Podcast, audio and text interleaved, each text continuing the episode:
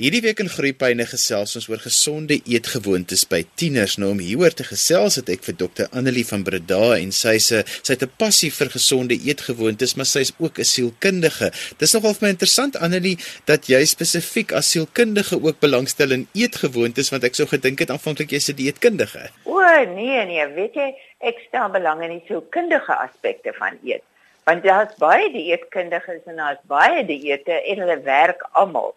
So ehm um, die probleem is en dit sal elke dieetkundige ook vir jou sê, is iemand gaan op 'n sogenaamde dieet of 'n leefstyl of wat hulle dit ook al noem en dan gaan dit baie goed. En dan op 'n stadium dan verloor die persoon net nie meer gewig nie of daar gebeur iets of hulle kom nie weer terug nie En dit is daai gap wat ek in belang gestel het. Dit het toevallig oor my pad gekom toe ek nog jong seker 25 jaar gelede het ek 'n klompie vriendinne bymekaar gehad en ons het oor die onderwerpe gesels. En toe ek nou my doktorsgraad gedoen het, het ek my teses gedoen oor binge binging en binge eating. En die die dames by die Woordeboek in Stellenbosch het my gesê Ek kan maar die woord binge en binging gebruik want daar is nie 'n Afrikaanse woord daarvoor nie. Die woorde waarmee hulle opgekom het was 'n bietjie, sal ek sê, ehm um, uh, disrespectful. Dit dit het gesê nie ons bly by by die Engelse term. Dis waar my belangstelling vandaan kom. Nou kom ons praat gou oor ongesonde eetgewoontes by tieners want as 'n mens die media lees en alle navorsing wat gedoen word is raak ons tieners by die dag meer en meer oorgewig en is yes. daar en daar's allerlei hmm. probleme rondom hulle eetgewoontes. Ja. Yes. Wat is die aspekte? Wat is die dinge waaroor ons as ouers en versorgers moet dink? Goed, kom ja, want dit is omtrent die syfer in in 2013 was al een uit elke 15ers, né? Was uh, ek was eintlik obese geweest. Ons praat nie eers net van ehm um, verhoogde BMI nie. Ehm um, ek dink die belangrike ding is meeste van die gedrag wat tieners of volwassenes leer hulle uit huis uit. Dit is nou maar net so. Ehm um, wanneer ek werk met iemand met 'n sê net maar 'n binge eating disorder, wat eintlik 'n psigiatriese siekte is. Ehm um, vra ek altyd, wanneer het jy vir die eerste keer begin binge? En dan sal hulle altyd vir sê dit was baie wat baie vroeg. Ek het al kindertjies van 4 gesien wat binge hoor. Maar dis gewoonlik is dit die ma in die huis wat ook 'n binge gedrag het. So wat die ouers kan doen is hulle kan bewus wees daarvan dat wanneer 'n kind hysteries raak om byvoorbeeld soetgoed te eet. En hulle raak heeltemal uh, jy weet hulle bloedsuiker gaan skief en hulle sukkel regtig om te koop dan kan jy sien daar is al 'n probleem. So daai kinders moet baie versigtig hulle moenie gesê word jy mag nie dit of jy mag nie dat nie. Want so gou as jy vir, vir enige iemand sê jy mag nie iets doen nie dan wil hulle mos nou net mooi dit doen So dit is baie versigtig. Kinders moet ook nooit op 'n dieet geplaas word nie. Jy moet vir hulle leer deur goeie gewoontes. Jy moet nie self ehm, 'n um, kassie vol lekker goed aanhou nie, want dis wat baie mense doen. En ehm um, die kinders kom baie gou agter waar dit is. So en kinders moet ook nie geforseer word om te eet nie as hulle nie honger is nie. Hulle kan en hulle moet by 'n tafel sit en eet, nie by die uh, televisie nie en uh, die tafel moet 'n gesellige plek wees. Nou moenie konflik wees nie, want dink 'n bietjie aan hoeveel huisgesinne gebeur die konflik rondom die tafel. En dit is waar die kind dan angstig raak en assosieer angstigheid en kos met mekaar.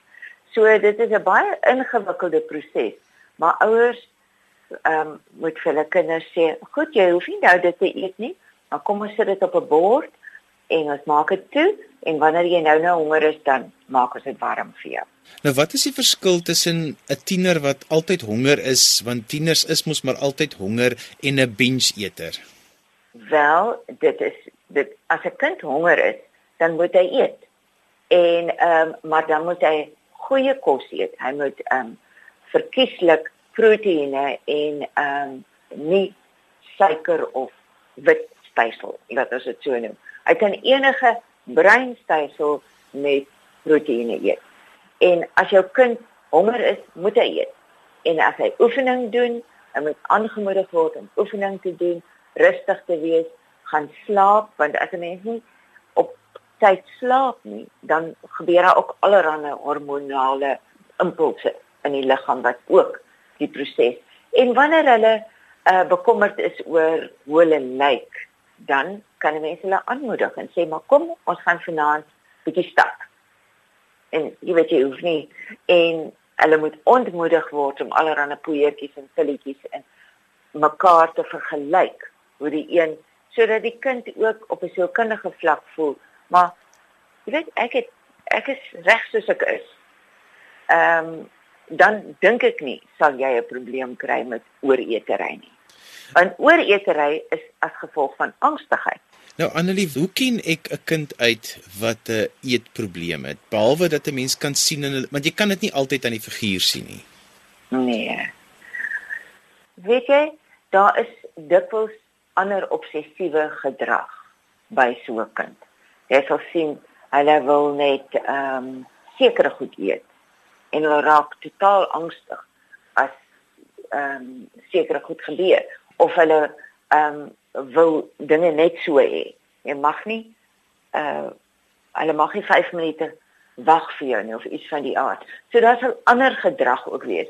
Daar sal tekens wees van so ek sê obsessiewe gedrag, daar sal tekens wees van angstigheid, daar sal tekens wees miskien van slapeloosheid of te veel slaap of depressie of ook dat hulle die take wat hulle moet doen, so skoolwerk, gaan dikwels ook agteruit. So ek dink dis 'n baie belangrike ding om dit so gou as moontlik aan te spreek, maar nie met 'n die dieet nie. Niks wat vir die kind sê jy mag nie dit of dat nie. En dit is wanneer jy dan na 'n sielkundige toe gaan wat dan met jou kind hieroor kan gesels en wat dit ja. saam met jou kind kan ontleed ja. en en bekyk wat is die wat is die goed wat byvoorbeeld eating. Wat is die onderliggende? Ja. ja, wat is die onderliggende angstigheid? Ek het al 3 meisiekinders in een familie behandel met verskillende vorms van eetsteurnisse. So ek net dan weet jy mos iewers dis 'n uh, uh die familie het 'n eetsteurnis, maar daar was 'n groot angstigheid en al drie daai meisiekinders het baie gou besef wat aangaan. En ehm um, so jy weet as jy as jy kom en vir die kind sê maar jy weet wat is dit? En kinders gaan ook nie sommer vir jou dadelik sê 'n vreemdeling wat die probleem is nie. So mens werk ook maar aan jou verhouding van aanvaarding en so. En met die tyd sê hulle vir jou wat gaan aan. Dis altyd vir my so interessant. Ouers is baie bewus van wat hulle kinders eet as hulle babas is en nog voor hulle skool toe gaan, maar dis asof ouers dink as 'n kind in sy tienerjare in beweeg dat ons nie nou meer die leiersels hoef so sterk vas te hou nie want die kind kan mos nou sy eie keuses maak. So wat is die rol van die ouer dan in hierdie proses want 'n tiener soos jy gesê het, wil nie voorgesê word oor wat hy moet of mag eet nie. Ek sou ek sou sê en dit en dit waar die moeilikheid kom. As 'n mens moet ehm um, sonde eetgewoontes in die huis hê. Jy moet sorg dat ehm um, dat daar nie jy weet lekkers en daai soort van ding ehm um, ehm um, moet daar wees vir 'n okasie. En wanneer jy ehm um, iets lekkers vir hulle maak, kan jy vir hulle byvoorbeeld 'n kaaskoek bak wat heeltemal gesond is. En jy kan um, xylitol insit in plaas van suiker. So daar's so baie dinge en versigtig wees vir vrugtesap. So kinders kan leer as ek dors is dan drink ek water. So dit is 'n baie moeilike ding of dit maak vir jou 'n bietjie groentee of wat ook al die geval is. So dit moet iets wees die ouers moet eintlik eers daai gewoontes aanleer. Ek kyk so graag as ek in die supermark is, dan kyk ek na wat mense in hulle trollies sit en dit is nogal skokkend. Dit is sommer so 'n 5 liter uh, koeldrank byvoorbeeld. 'n Groot bottel. Ja. My gas vandag is sielkundige Dr Annelie van Breda en ons gesels 'n bietjie oor die eetgewoontes van tieners. Annelie, ek wil bietjie praat oor die konsep van mindful eating. Ehm um, ja. bewustelike eet of omgee eet of dalk sielvolle eet. Ek weet nie wat die Afrikaans daarvoor is nie, maar dit is om kinders te bewus te ja. maak van wat hulle eet. Vertel 'n bietjie vir my ja. hoe dit werk. Wel, dit beteken dat die kind in die eerste plek moet stadig eet.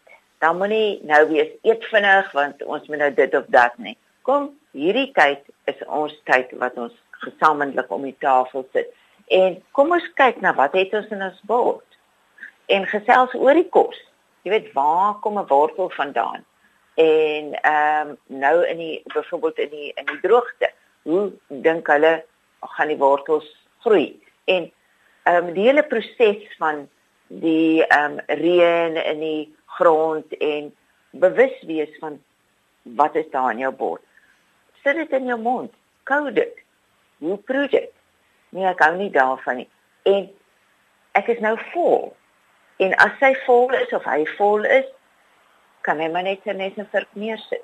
So daai bewustheid van wanneer ek honger is, dan is daar kos, daar's appels, daar's neute. Ek kan hulle eet. En ek hoef nie te ooreet ooit nie. En mense is so verskillend. Jy weet die een ou sal vir jou sê maar ehm um, hy as hy brood eet dan voel hy soos of so. Moenie van forceer om dan brood te eet nie. Verstaan, dit is 'n hele jy moenie vir die kind sê maar jy's laf nie. Dit kan nie wees dat dit jou maag laat kramp nie of so. Want dan sê jy vir die kind dit wat hy voel is nie geregverdig nie. En dis wanneer hierdie hierdie um, outomatiese selfregulerende proses in jou liggaam afskakel. En dit is wanneer die probleme kom. So, hou net daai koneksie aan die gang. So as 'n mens dit nou wil in jou gesin begin, hoe sal dit dan nou prakties werk? Goed, dit sal so werk dat jy eerstens ehm um, sê maak 'n soort van 'n verklaring. Goed, ons gaan van nou af gesond eet. Ehm um, en julle gaan vir my help. Kom ons haal 'n groot swart sak uit en ons gaan deur die kaste. Ons haal al die goed wat wat ons nou weet wat ongesond is uit en ons sit dit in die groot swart sak. Ons kan nou later besluit wat ons daarmee gaan doen. En ehm um, dan kan jy by enige sien nou maar die Low GI Foundation wat 'n Suid-Afrikaanse um, vereniging is, kan jy byvoorbeeld uitvind wat is die goed wat jy in jou kas moet hou soos eh uh, bruin basmati rys en xylitol en ehm um, ehm um, volgraan brood en sis en so. Want nou nie die die eetkundige se werk vir hulle doen nie. En dan sê jy sê jy vir jou kinders, ons gaan nou ons gaan nou ehm um, vrugte in die huis hou en ons gaan kaas so ehm um, jy jy gaan amper 'n openlike uh, beleid hê en sê maar ons gaan almal almal so eet. En as ons dors is, gaan, gaan ons water drink en so voort. Dis wat ek sou voorstel. Nou wat vir my belangrik is is dat 'n mens dan met jou tieners hierdie gesprek sal hê. Dit moenie 'n autokratiese nee, nee. dit moet 'n deelnemende gesprek wees. Dit moet ook seker daarom 'n gesprek gaan om te sê dit is om iets soos diabetes te voorkom dat 'n mens uh, kinders moet verstaan oor hoekom sekere besluite in die huis dan geneem word vir alles wat kom by kos. Ja, ek dink uh, mense moet net sê ons gaan nou gesond lewe. So moenie die woord gewig of ons wil almal maar wees. En dan die ander is om saam met hulle te oefen te stap. Jy hoef nie gym toe te gaan stap nie buite lig en ook vir hulle te wys as 'n mens angstig is hoe jy kan mediteer asemhaal en daai soort van dinge Ja, want baie keer is dit so, baie keer in huise gaan dit mos nou maar rof as almal by die huis kom hier so so laatmiddag dan moet kos gemaak word. Dit is amper soos 'n resies en dan skielik land almal om die tafel en dan is dit 'n is dit wanneer 'n mens dan so klein bietjie net eers moet asemhaal voordat jy ja. soos stofsuiers ja. die tafel betree. Absoluut. En sê kom ons sit net vir 'n minuut stil. Hou diep asem. Kyk wat het ons voor ons en wie ook al die kos gemaak het kan dan sê dit en dit en dit is daarin is. Dit is ook belangrik seker om vir tieners bewus te maak van tekstuur van kos sodat hulle daaroor sal dink. Wat is die voordele ja. daarvan? Weereens, dit is bewus word van wat aan, is nie op uh, uh, verskoon nou die Engelse automatic pilot nie. Dit is ek kan nou sien wat wat ek eet, ek kan dit proe, kan dit in my mond rond ehm um, beweeg. Ek kan dit onder kou en dan kan ek sien hoe verander die tekstuur.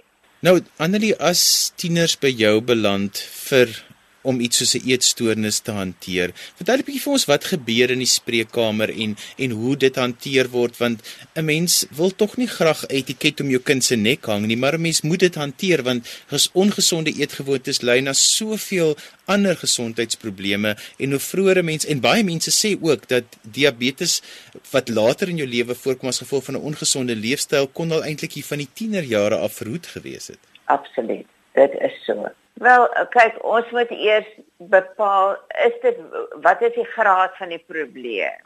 Is dit uh, iemand wat net oor eet, eet of is dit 'n eetsteurnis? Nou ons het sekere kriteria wanneer dit kom by die kind het nou beheer verloor en daar word groot hoeveel kos geëet, dan weet ons dit is 'n ernstige probleem. Dan kan ons 'n diagnose maak. Maar as dit net 'n uh, 'n uh, gereelde ooreet is, dan is dit natuurlik 'n baie maklike. So ons bepaal eers wat is die die graad van die pro probleem.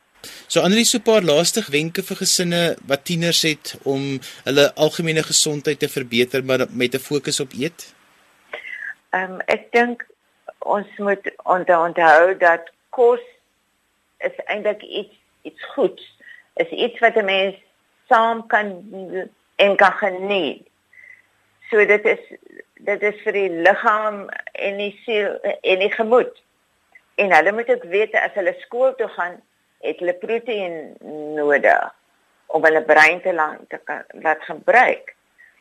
En kos moet gerespekteer word en daar's altyd genoeg genoeg kos in meeste kinders se huise.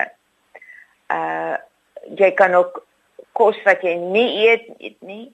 Hoef jy nie te eet jy hoef dit nie te eet as jy nie meer honger is nie.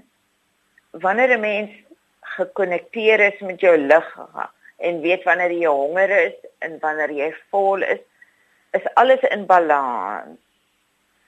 Uh sit in 'n kalm omgewing om 'n tafel met 'n mes en vork sonder enige TV aan, selfone word nie toegelaat nie en eet net wat jou liggaam nodig het. Laat hulle praat oor die kos. Ek hou van dit, ek hou nie van dit dat nie.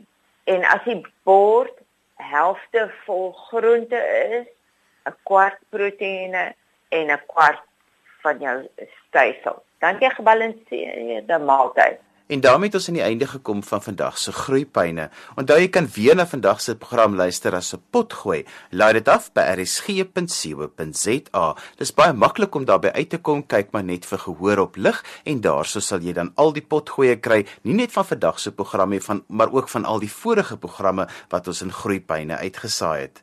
Ons onderwerp vandag was om bietjie te kyk na die gesonde eetgewoontes of dalk ongesonde eetgewoontes van tieners. My gas was Dr. Annelie van Breda en sy is 'n sielkundige wat werk met eetstoornisse. Jy kan haar kontak by 083 452 0272 dit is 083 452 0272 Ons het ook gekyk na hoe gemaak wanneer tieners hulle skuldig maak aan binge eating en ons het gepraat oor mindful eating wat eintlik dalk vertaal kan word met oor bewustelike eet of om te, te dink oor wat 'n mens eet. Skryf gerus vir my e-pos by groeipyne@rsg.co.za. daarmee groet ek dan vir vandag tot volgende week van my Johan van Lille. Totsiens.